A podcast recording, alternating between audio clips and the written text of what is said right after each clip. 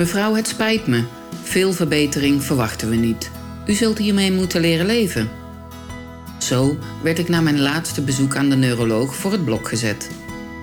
Daar zat ik, de rollator voor mijn stoel, haast onverstaanbaar, hoofd als een zeef, met naast me mijn lieve man die ineens mijn mantelzorger was geworden. Nou, dit was het dan. Of toch niet? Want sinds die rampzalige mededeling van de neuroloog in 2016 heb ik er alles aan gedaan om mijn situatie te verbeteren. En hoewel ik helemaal niks had met wat dan ook op creatief gebied, ben ik gaan schilderen.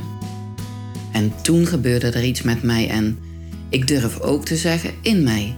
Iets bijzonders, wat echt niemand voor mogelijk had gehouden. Mijn naam is Erika de Winter. Welkom en leuk dat je luistert.